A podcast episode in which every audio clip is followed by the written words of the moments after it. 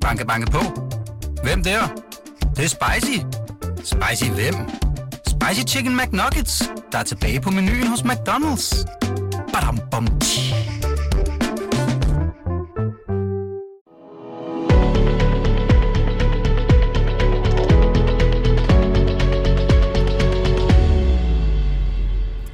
Ja, velkommen til Penge er noget, som vi taler om.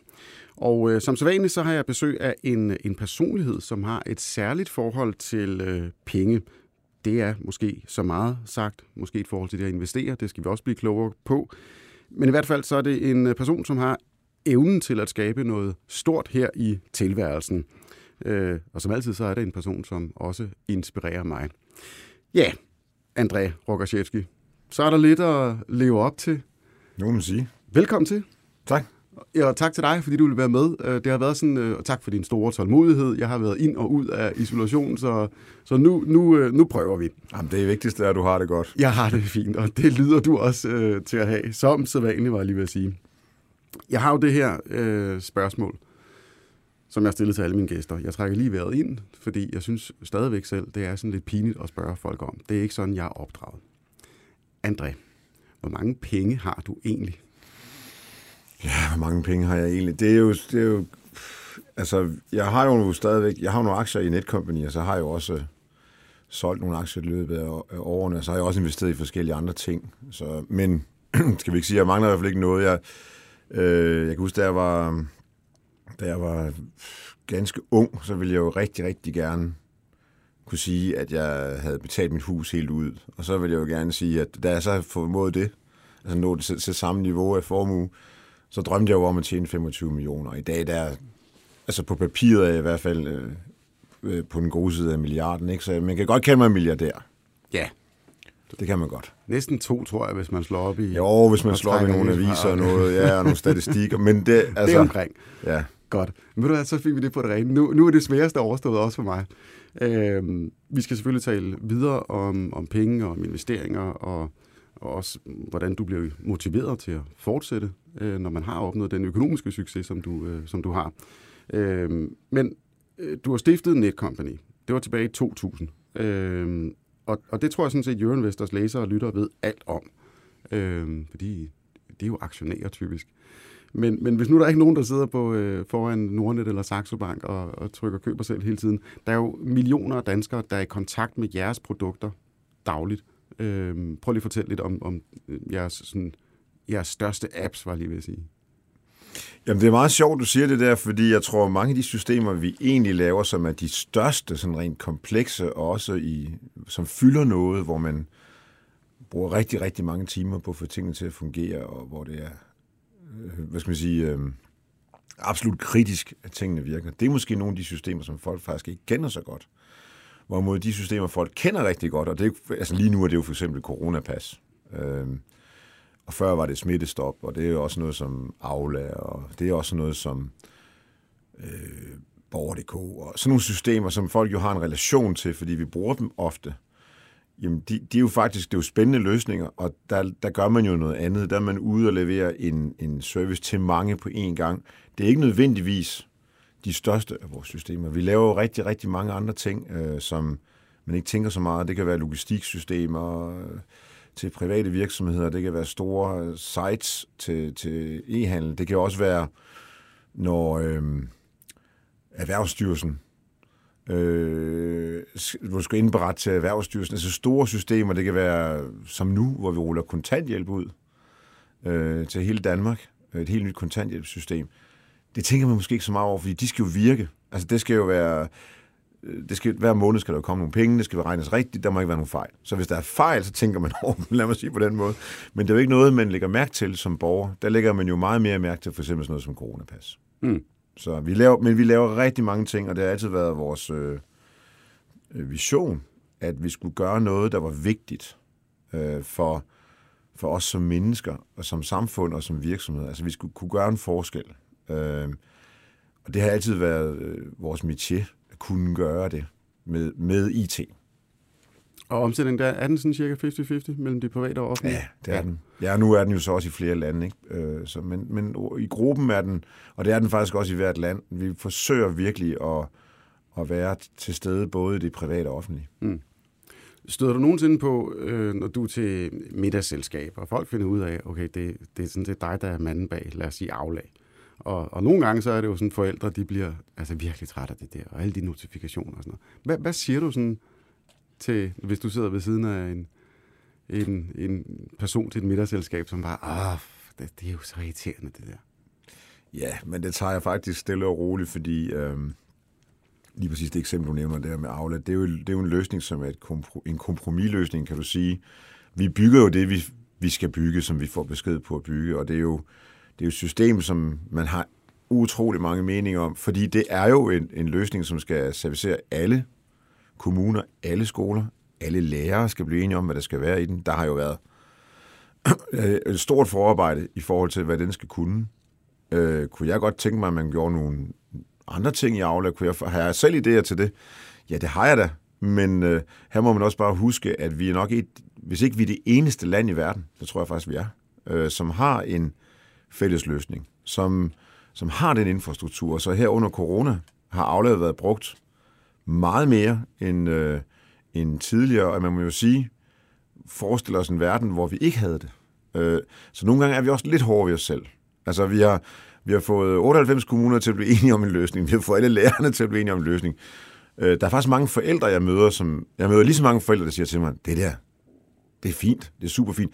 Ja, ja, det, det vil, jeg vil også gerne, det kunne noget andet eller mere. Det er træls, når man skal filtrere et eller andet, så dukker der for meget op. Men rigtig mange mennesker fortæller mig jo også, var det godt, vi har et system, øh, så vi har et udgangspunkt, og vi kan jo altid tilpasse det. Det er jo igen et, også en politisk proces. Mm. Hvad vil man have med, hvad man ikke har med? Det jeg er glad for, det er, at vi leverer varen til tid og til budget. Og så skal vi nok også gøre alt, hvad vi kan for at få noget indflydelse. Men i sidste ende er det jo lærernes, og øh, det er jo hele Danmarks løsning. Mm. Og derfor så skal man også respekt for, at der er forskellige meninger om, hvordan den skal virke. Der er også noget som GDPR for eksempel, ja. som jo bare der er, GDPR er, jo, er beskytter os, men GDPR kan også gøre tingene noget kluntet. Og det tror jeg, folk også glemmer med den her type løsninger. Der er ret mange ting, vi ikke må. Mm. Men jeg spørger sådan set også, fordi at hvis man har boet øh, et par år i, i, i udlandet, eller bare en, en kortere periode, så vil man også opdage, at altså uden for landets grænser, det er jo nærmest om at flytte til et uland, øh, hvis man tager til Storbritannien eller til Tyskland, som jo nærmest er den mest øh, tilbagestående nation i Europa, når der gælder digitalisering. Ja. Tænk, tænker du så nogle gange i det stille sind, at, at vi danskere, vi er altså nogle utaknemmelige skarn? Ja, vi er det, det, på den måde er vi det jo selvfølgelig lidt, men det er fordi, vi er bedre vant. Men mm. omvendt, så skal man også bare huske, at vi skal også være øh, på duberne. Altså, fordi det er jo ikke sådan, at verden står stille lige nu. Altså, jeg kan mærke her efter coronakrisen, at det er jo en, en, en erkendelse, der er opstået i rigtig mange lande nu, at jo mere landet er digitaliseret på den rigtige, fornuftige måde, hvor tillidsskabende digitalisering har været, har været det, man har opnået, ja, jo, jo mere rustet er man jo. Øh, blandt andet sådan noget som coronakrisen, men også i forhold til, hvor verden bevæger sig hen, og hvordan man kan skabe værdi. Og, og der er der jo ingen tvivl om, at vi danskere er, er, er et bestemt et hestehoved foran, men det, vi må ikke hvile på laverbærene, fordi der er, utrolig ambitiøse planer, også i Tyskland i forhold til digitalisering, og alle lande har forstået, at det her det er, det er vejen frem. Øh, der, der er rigtig mange muligheder, øh, både inden for uddannelse, inden for sundhed, inden for at gøre vores virksomheder konkurrencedygtige. Vi kan blive en, et modelland for resten af Europa, og dermed gøre Europa også til en region i verden, hvor, hvor vi har omfavnet digitalisering anderledes, end man har for eksempel i USA og Kina. Øh, men vi har også nogle farer, der lurer, Øh, vi har for eksempel sådan noget som folks øh, aversion imod en eller anden form for overvågning. Så der skal vi sørge for, at, at man føler sig tryg, at der ikke er nogen overvågning. Vi skal også sørge for, at man, er, man, øh, man håndterer cybersikkerheden, og vi skal også sørge for, at den demokratiske krise, som jeg kalder den, som udspiller sig på, øh, på nogle sociale medier, hvor man tænker, jamen, hvordan håndterer vi egentlig, at at nogle debatter løber totalt løbsk, og, og, øh, og øh, man har sådan nogle rum, hvor folk bliver hisser hinanden op i en grad, som vi ikke har set tidligere, fordi det kan lade sig gøre.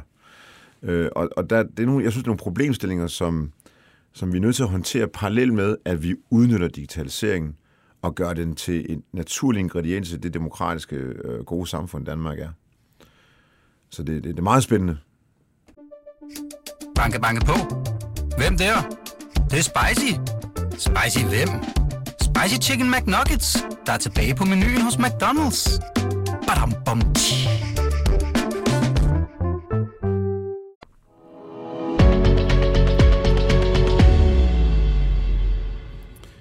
Så satte jeg lige en skiller på, for nu skal det handle om noget, som er mindst lige så spændende om de helt store linjer øh, i forhold til digitaliseringen af samfundet. Øh, det skal først lige handle øh, lidt mere om dig. Altså, du stifter Netcompany, som sagt, i 2000. Det er næsten, det er godt øh, 20 år siden. Øh, hvornår i det forløb, altså hvis du lige tænker tilbage 20 år siden, hvornår går det op for dig og dine øh, kompagnoner dengang, okay, det vi har gang i her, det kan faktisk lykkes. Det kan faktisk blive, altså det kan faktisk blive super stort, det her. Mm. I, ikke sådan nødvendigvis stort, som det er nu, men hvornår mærkede du den der følelse af succes første gang? Hvad det så ind var? Jeg har jo altid troet på, at øh, det vil jeg ikke lyve om. Jeg har altid troet på, at verden kan forandres. Øh, og man skal, man skal øh, gå 100% efter det, man tror på. Jeg har aldrig, jeg har aldrig spekuleret over, at det ikke kunne lade sig gøre. Øh, men øh, ideen om, at det skulle blive så stort som det her, er selvfølgelig opstået undervejs. Øh, fordi det er sådan med de fleste virksomheder, sådan var det også med Netcompany, at man må jo sno sig lidt. Det, der har været kendetegnende for, for vores virksomhed, var jo, altså i starten var det jo faktisk sådan. Øh, vi startede jo lidt på et lidt sjovt tidspunkt, for da vi startede virksomheden, så kom dot-com-krisen sådan set umiddelbart lige efter. Og vi havde jo satset meget øh, hårdt på, at vi skulle have utroligt dygtige folk, der vidste noget om teknologi, og vi skulle ikke lave .com. Vi skulle ikke lave hjemmesider, og vi skulle snarere integrere til gamle systemer og få noget rigtig kompliceret til at virke. Altså for alvor rykke på noget af, af infrastrukturen og, og tænke anderledes. Ind. Øh, og der, det var jo en noget langsomlig proces i starten. Altså det var jo ikke sådan så, at uh, Netcompany gik fra at være Altså, vi var jo 30, 40, 50 mand i, i et pænt stykke tid, og øh, der gik også noget tid, før vi tjente penge. Jeg kan da huske, at vi gik der på arbejde flere gange, og jeg tænkte, hold da op, nu har jeg tabt penge igen, og nu har jeg tabt penge igen. Jeg kan vide, om vi skal pansætte huset, eller hvad, hvad gør vi nu? Jeg tror, første gang, hvor det for alvor gik op for os, at, øh, at vi havde gang i noget rigtigt, det må have været en to-tre år efter opstart, hvor vi for alvor begynder at levere nogle systemer til tid og til budget øh, og hvor kvaliteten er rigtig god. Og, og der går det også op for os, at øh, altså den, den måde, vi, øh, vi lærer hinanden op på, også de unge mennesker, vi ansætter. Vi gik jo i gang med at ansætte ret unge mennesker fra, start, altså fra starten af, fordi vi fandt ud af, at, at øh, det der med at lære hurtigt, det var simpelthen en essentiel parameter. At have sin egen kultur, lære hurtigt, og så måske lytte lidt mindre til, alt det, folk har lært i 80'erne og 90'erne, så nu definerer vi simpelthen en metode for, hvordan man leverer kvalitet. Og virksomheden har jo vokset ved, at kunder har henvist til kunder. Vi havde jo i, den dag i dag har vi jo faktisk en forsvindende lille marketingsindsats. Altså, ja, vi laver PR, øh, men rigtig meget af Netcompany's vækst skyldes jo kunder, der henviser til kunder. Mm. Øh, det her klassiske, nu, nu fokuserer vi på at skabe kvalitet, og det vil jeg så sige, skete jo faktisk allerede efter to-tre år. Der kunne vi mærke, at mange kunder var tilfredse med det, vi, øh, vi producerede, og vi kunne mærke, at de også talte med andre kunder. Men der var ikke sådan en konkret episode, hvor I lige lavede en high five på kontoret og tænkte, yes, okay, for det fedt det. Nej, men vi har haft masser af sådan nogle masser af high sige, uh, highlights. Jeg kan huske, uh, der er masser af sjove ting. Altså for eksempel kan, der er masser af anekdoter, altså man kan nævne mange. Jeg kan huske på et tidspunkt, Øh, det er mange år. Det må have været lige efter, hvor været to-tre år efter opstart, hvor vi fik øh, den første kontrakt på, på over to eller tre millioner kroner. Altså, der blev jo, altså, der blev, der blev holdt fest på kontoret, ikke? Øh, men vi har, der var festerne måske, eller der, det er jo også altså, meget... rigtig fest. Jamen altså, vi har haft, øh, det, det er en ung virksomhed. Skal huske stadigvæk den dag i dag. Jeg er jo en gammel mand i forhold til, øh, vi har jo en gennemsnitsalder på lige over 30. De største fester bliver dog holdt, øh, når systemerne går i produktion. Øh, når noget har kørt i en uge, to uger, måske en måned, og vi kan se, det virker. Det gamle system er der slukket for. Kunden begynder at slappe af, vi begynder at slappe af, så bryder, så bryder der, så går vi ud. Altså så, går, så, så fester man, og, så, og så, så fejrer vi jo også de mennesker, der er involveret. Det gør vi rigtig meget ud af, fordi det er, man skal aldrig undervurdere, hvor, hvor, hvor svært og vanskeligt det kan være at gå i produktion med et meget, meget forretningskritisk system, og det skal man altså huske at, mm. at ophøje. Men, men da I får den der kontrakt, kan, kan du sådan genkalde den der følelse stadigvæk? Altså, jeg har to... Ja, absolut. Altså, der, der sker to ting. Øh, når vi vinder noget, øh, og øh, når vi leverer et eller andet, så, øh, så, breder, så breder sig det sådan en, øh, altså en stemning, når folk får det at vide, og nogen går allerede ned på en fredagsbar et par timer inden, og man kan mærke det der. Ikke? Der kommer, ryger mails ud sms rundt. Øh, hvis, hvis vi ikke vinder noget, så kan jeg jo finde på at smadre en, en lampe, eller... okay. Hold da op.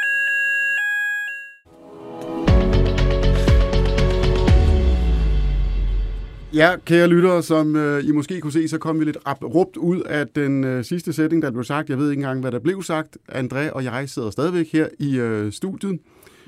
André Rogaszewski fra Netcompany, stifter af Netcompany. Øh, vi er simpelthen ramt af en heldigvis en falsk brandalarm her i øh, Berlingske Media, hvor Jørgen Vester holder til.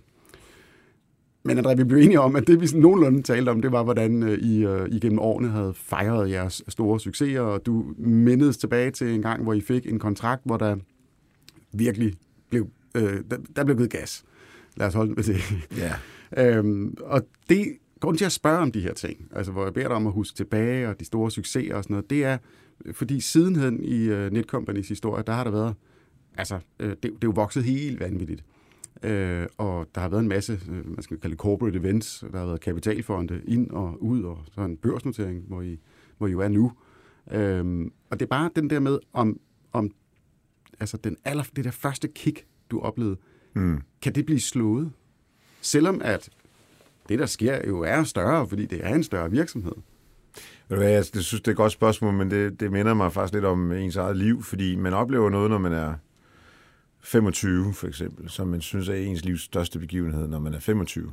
Og det er det også, hvis man er 25. For eksempel? Og så, og så jamen, det kan jo være en, det kan jo være en forelskelse, eller det kan være dit første job, hvor du lykkes med et eller andet, eller det kan være øh, et venskab, som, det kan være mange ting. Og, og nye ting, man oplever i livet, når man er der. Og når man så ender, når man så er for eksempel, som jeg er nu, øh, 53, så bliver man jo til stadighed overrasket over, hvor store ting, der kan, der kan ske for en i ens liv. Og sådan er det jo også med en virksomhed.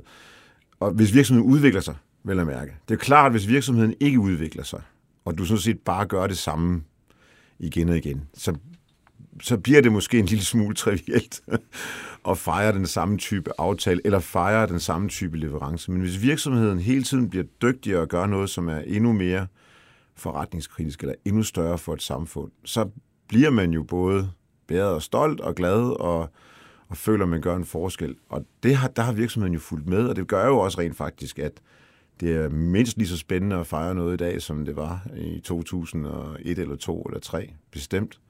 Og der er ikke noget, der er... Altså, jeg, når jeg tænker tilbage, så gør jeg det jo med, med glæde.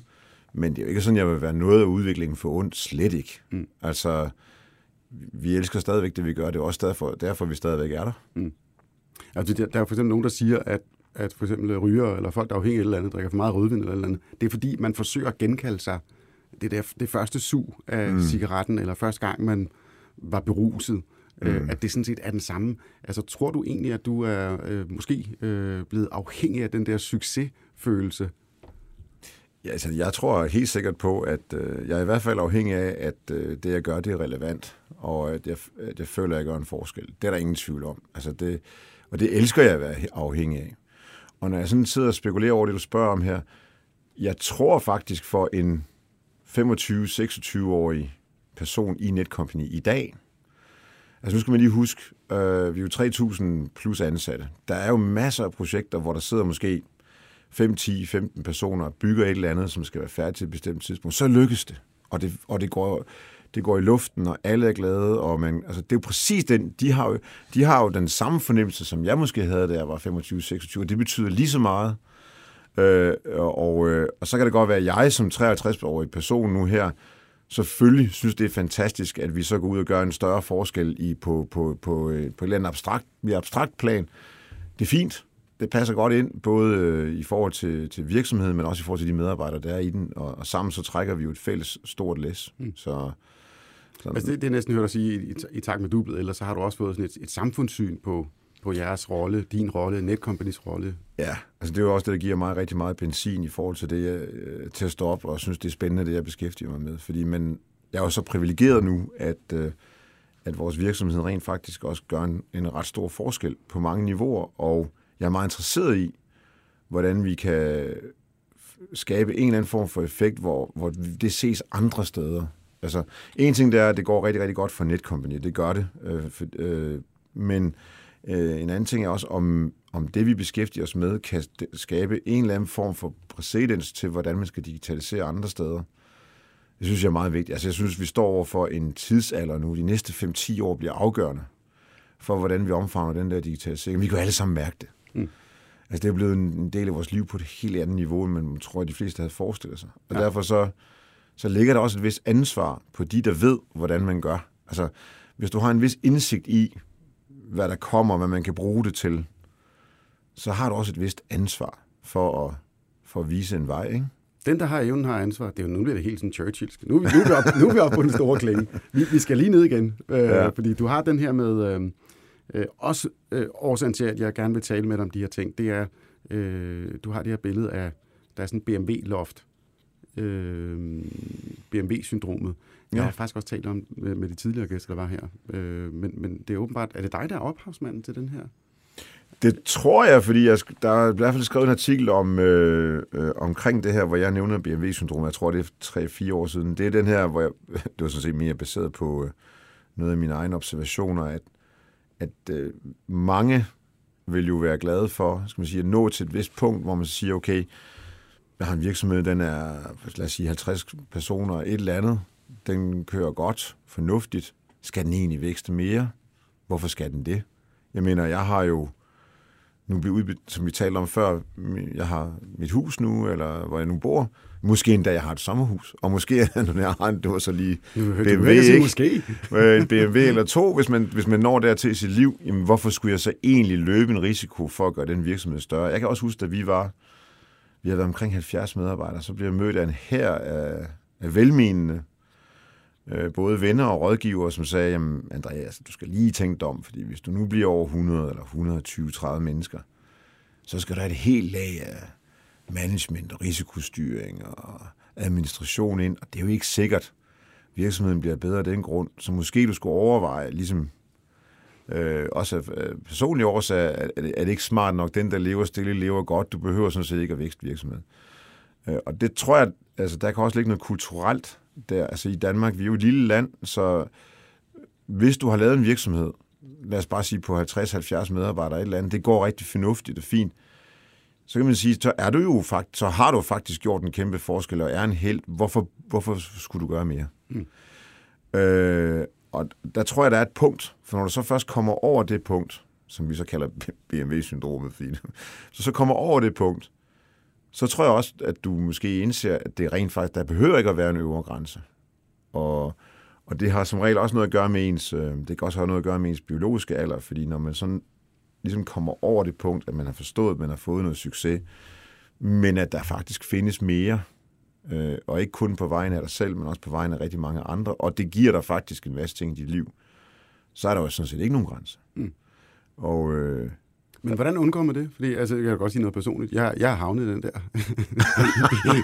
har du en BMW? jeg har en BMW, og det har jeg haft i 7-8 år. Ja. Og det vækster sådan lidt mellem en 1-serie og en 3-serie. Ja. Nu har jeg en 1-serie lige nu. Jeg har også haft en 4-serie, men det, jeg har sgu aldrig fået en 911 eller en, en, en rigtig fed bil.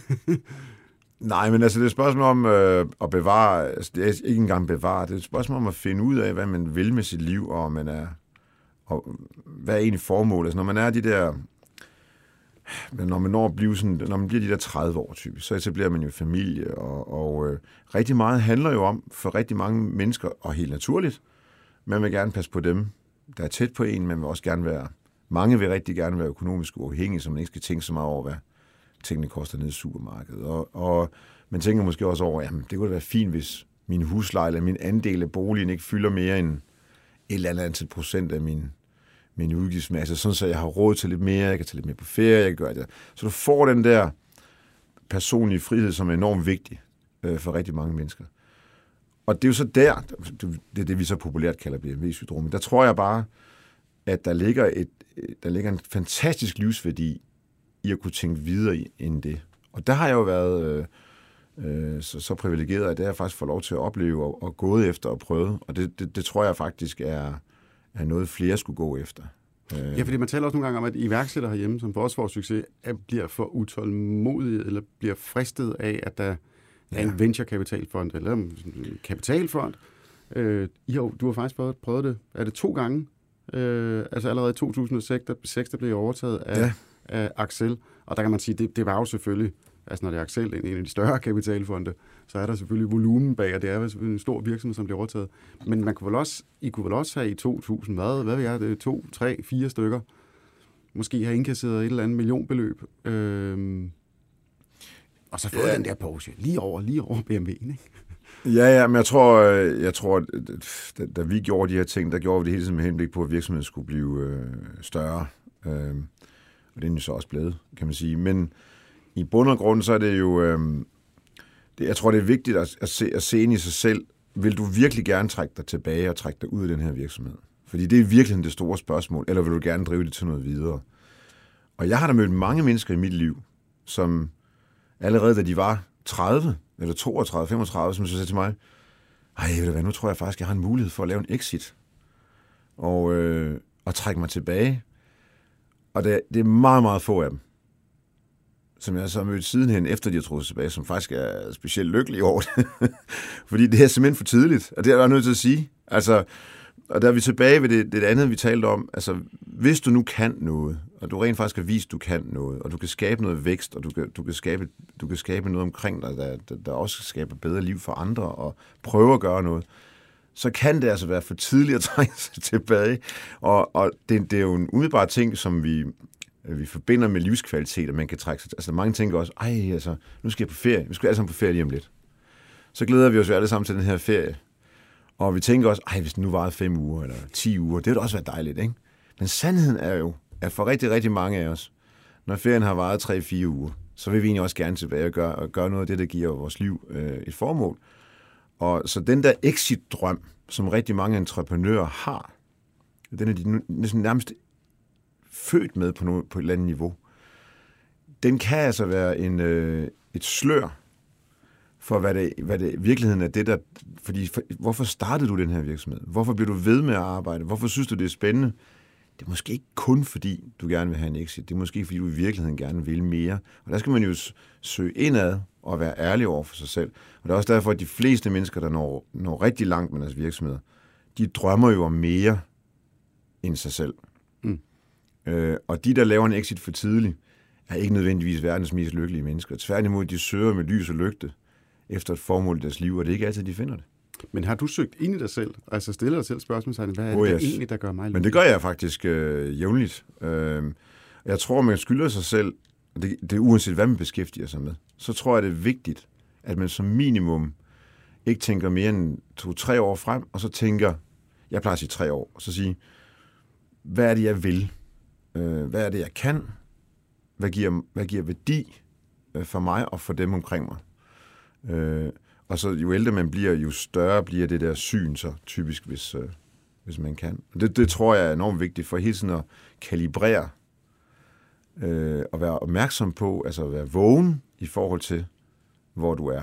For det, hvis der er noget, vi ikke ønsker nogen af os, så er det måske at ligge der, altså blive 60 eller 70 eller 80, og tænke tilbage og sige, uh, jeg skulle have gjort noget andet, da jeg var 42 eller 52. Så længe det er en oplyst, man må godt tage fejl jo.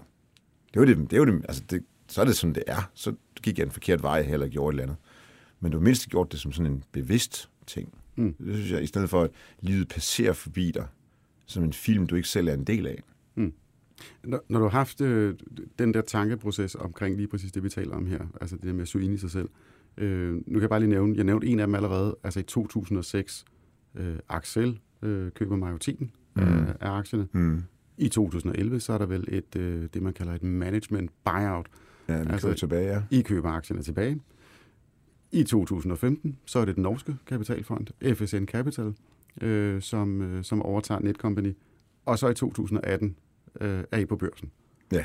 Øhm, hvordan har de der perioder været? I 2006, der ville vi jo gerne allerede på det tidspunkt ud i, øh, i Europa øh, med vores løsninger. Og, men det gik faktisk så godt i både 7, 8, øh, og 9 og 10, at, at øh, vi, vi fandt jo ud af, at sådan er det jo, når man driver en virksomhed, at vi kunne faktisk lave endnu større løsninger og endnu mere komplicerede løsninger.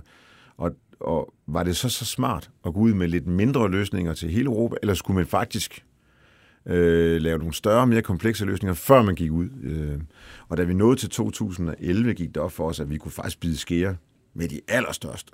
For eksempel? Hvem?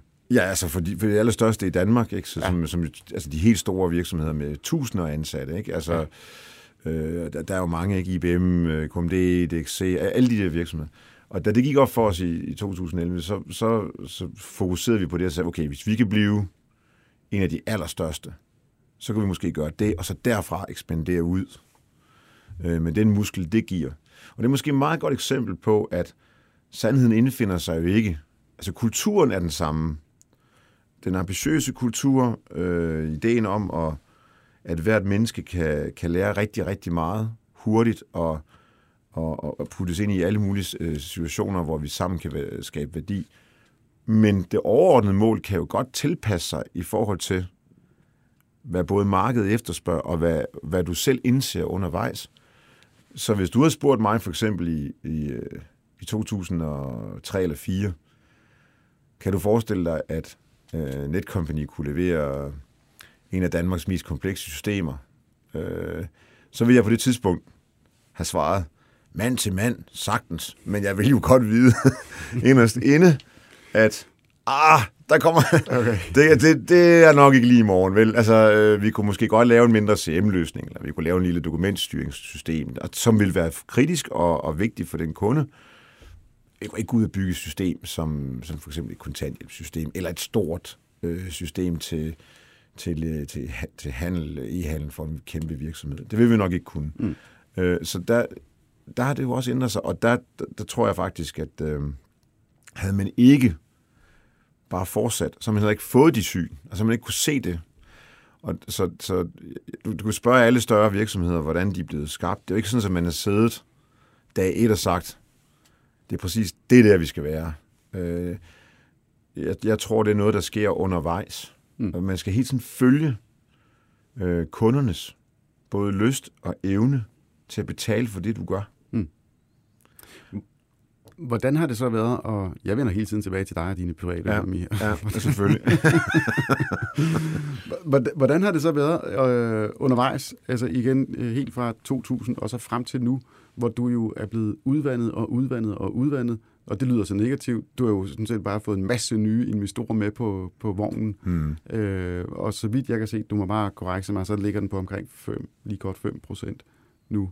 Jeg ved godt, det ligger i et holdingselskab med en tidligere, eller en kompagnon. Øhm, men, men, men har du et budskab til folk? Fordi det synes jeg også tit, man ser. At folk tør ikke gå, gå under 50 procent, eller uh, under 31 procent, eller en tredjedel osv. osv. Ja, altså, det er jo sådan, at Netcompany's partnergruppe ejer jeg ved ikke, plus 20 procent af, af Netcompany lige nu. Øhm, altså, min holdning til det har jo altid været, at øh, hvis det kan bidrage til, at kagen bliver større, så gør det ikke noget, at din slice af kagen bliver lidt mindre. Mm. Øh, og øh, der skal man jo det er altid en vanskelig beslutning. Ja, det er ikke skal, det. Selvfølgelig det er det, det fordi du, du afgiver noget af dit hjerteblod hver ja. gang. Øh, men er jeg ked af, at vi bliver børsnoteret? Nej, det er bestemt ikke. Altså, jeg, jeg synes, det, det har givet en, øh, en, en, en, en stor muskel til Netcompany, at vi blevet børsnoteret. Jeg er stolt af det. Mm. Øh, det er også noget, vi kan bruge, når vi går ud i udlandet, og er det, det er jo blevet lidt en, en aktie, som alle følger lidt med i, og det er blevet, altså, så på den måde er jeg jo stolt af det, og, og øh, jeg vil gerne have, at Netcompany bliver endnu større, øh, og øh, det vil jeg gøre alt, hvad jeg kan til at bidrage med, øh, bidrage i forhold til, og at der kunne det være blevet lige så stort, uden at man havde fået flere med på, på toget, det tror jeg ikke. Så jeg, jeg, jeg, der vil altid være delbeslutninger, eller ting, du kunne have lavet om, men i det store hele, så synes jeg, det havde været en rigtig fantastisk rejse. Altså, det har faktisk givet 359 procent, kan jeg sige, siden øh, den, den første noteringsdag, tilbage ja. i 2018. Øh, det er jo mere end en firedobling. Og du har sådan set selv nævnt det hele tiden, og jeg ikke ville spørge dig før nu, hvor vi lakker mod enden, men øh, hvad, hvad du sådan drømmer om, at du har tænkt det stort fra starten af. Kan du så ikke fortælle, hvor, hvad er det egentlig, du drømmer om? Altså, hvad er Netcompany? Ikke, altså, du må selv bestemme, hvor mange år ude i fremtiden, men altså, hvad, hvor, hvor er... Øh, Ja, er, der et, altså, er der et slutmål? Har du, en, har du visualiseret det?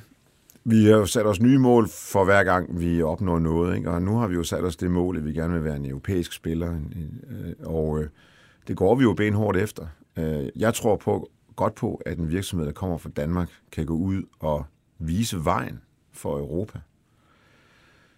Det er selvfølgelig øh, et, et, et langt og sejt træk, men, men undskyld, vi er jo gang. Det, der, det, er jo, det er jo sådan noget aktionærsnak, øh, du kan sige til analytikerne og til aktiemarkedet og sådan noget. Hvad, hvad drømmer du om?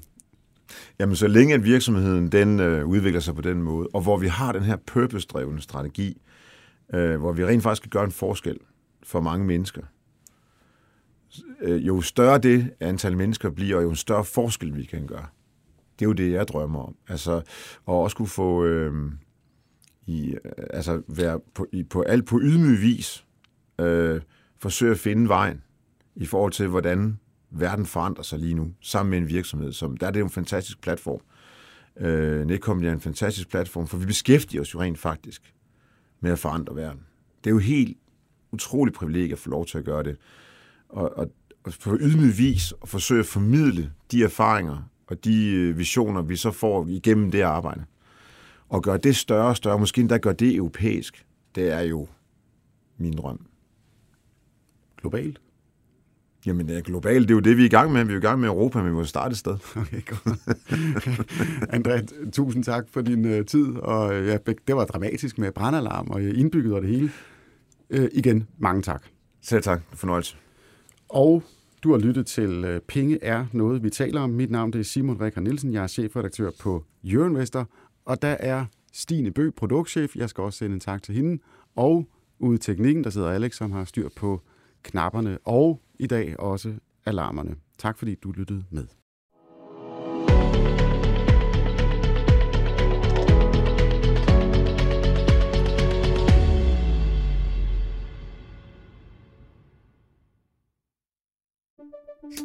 Banke, banke på. Hvem der? Det, det er spicy. Spicy hvem? Spicy Chicken McNuggets, der er tilbage på menuen hos McDonald's. Badum, bom, tji.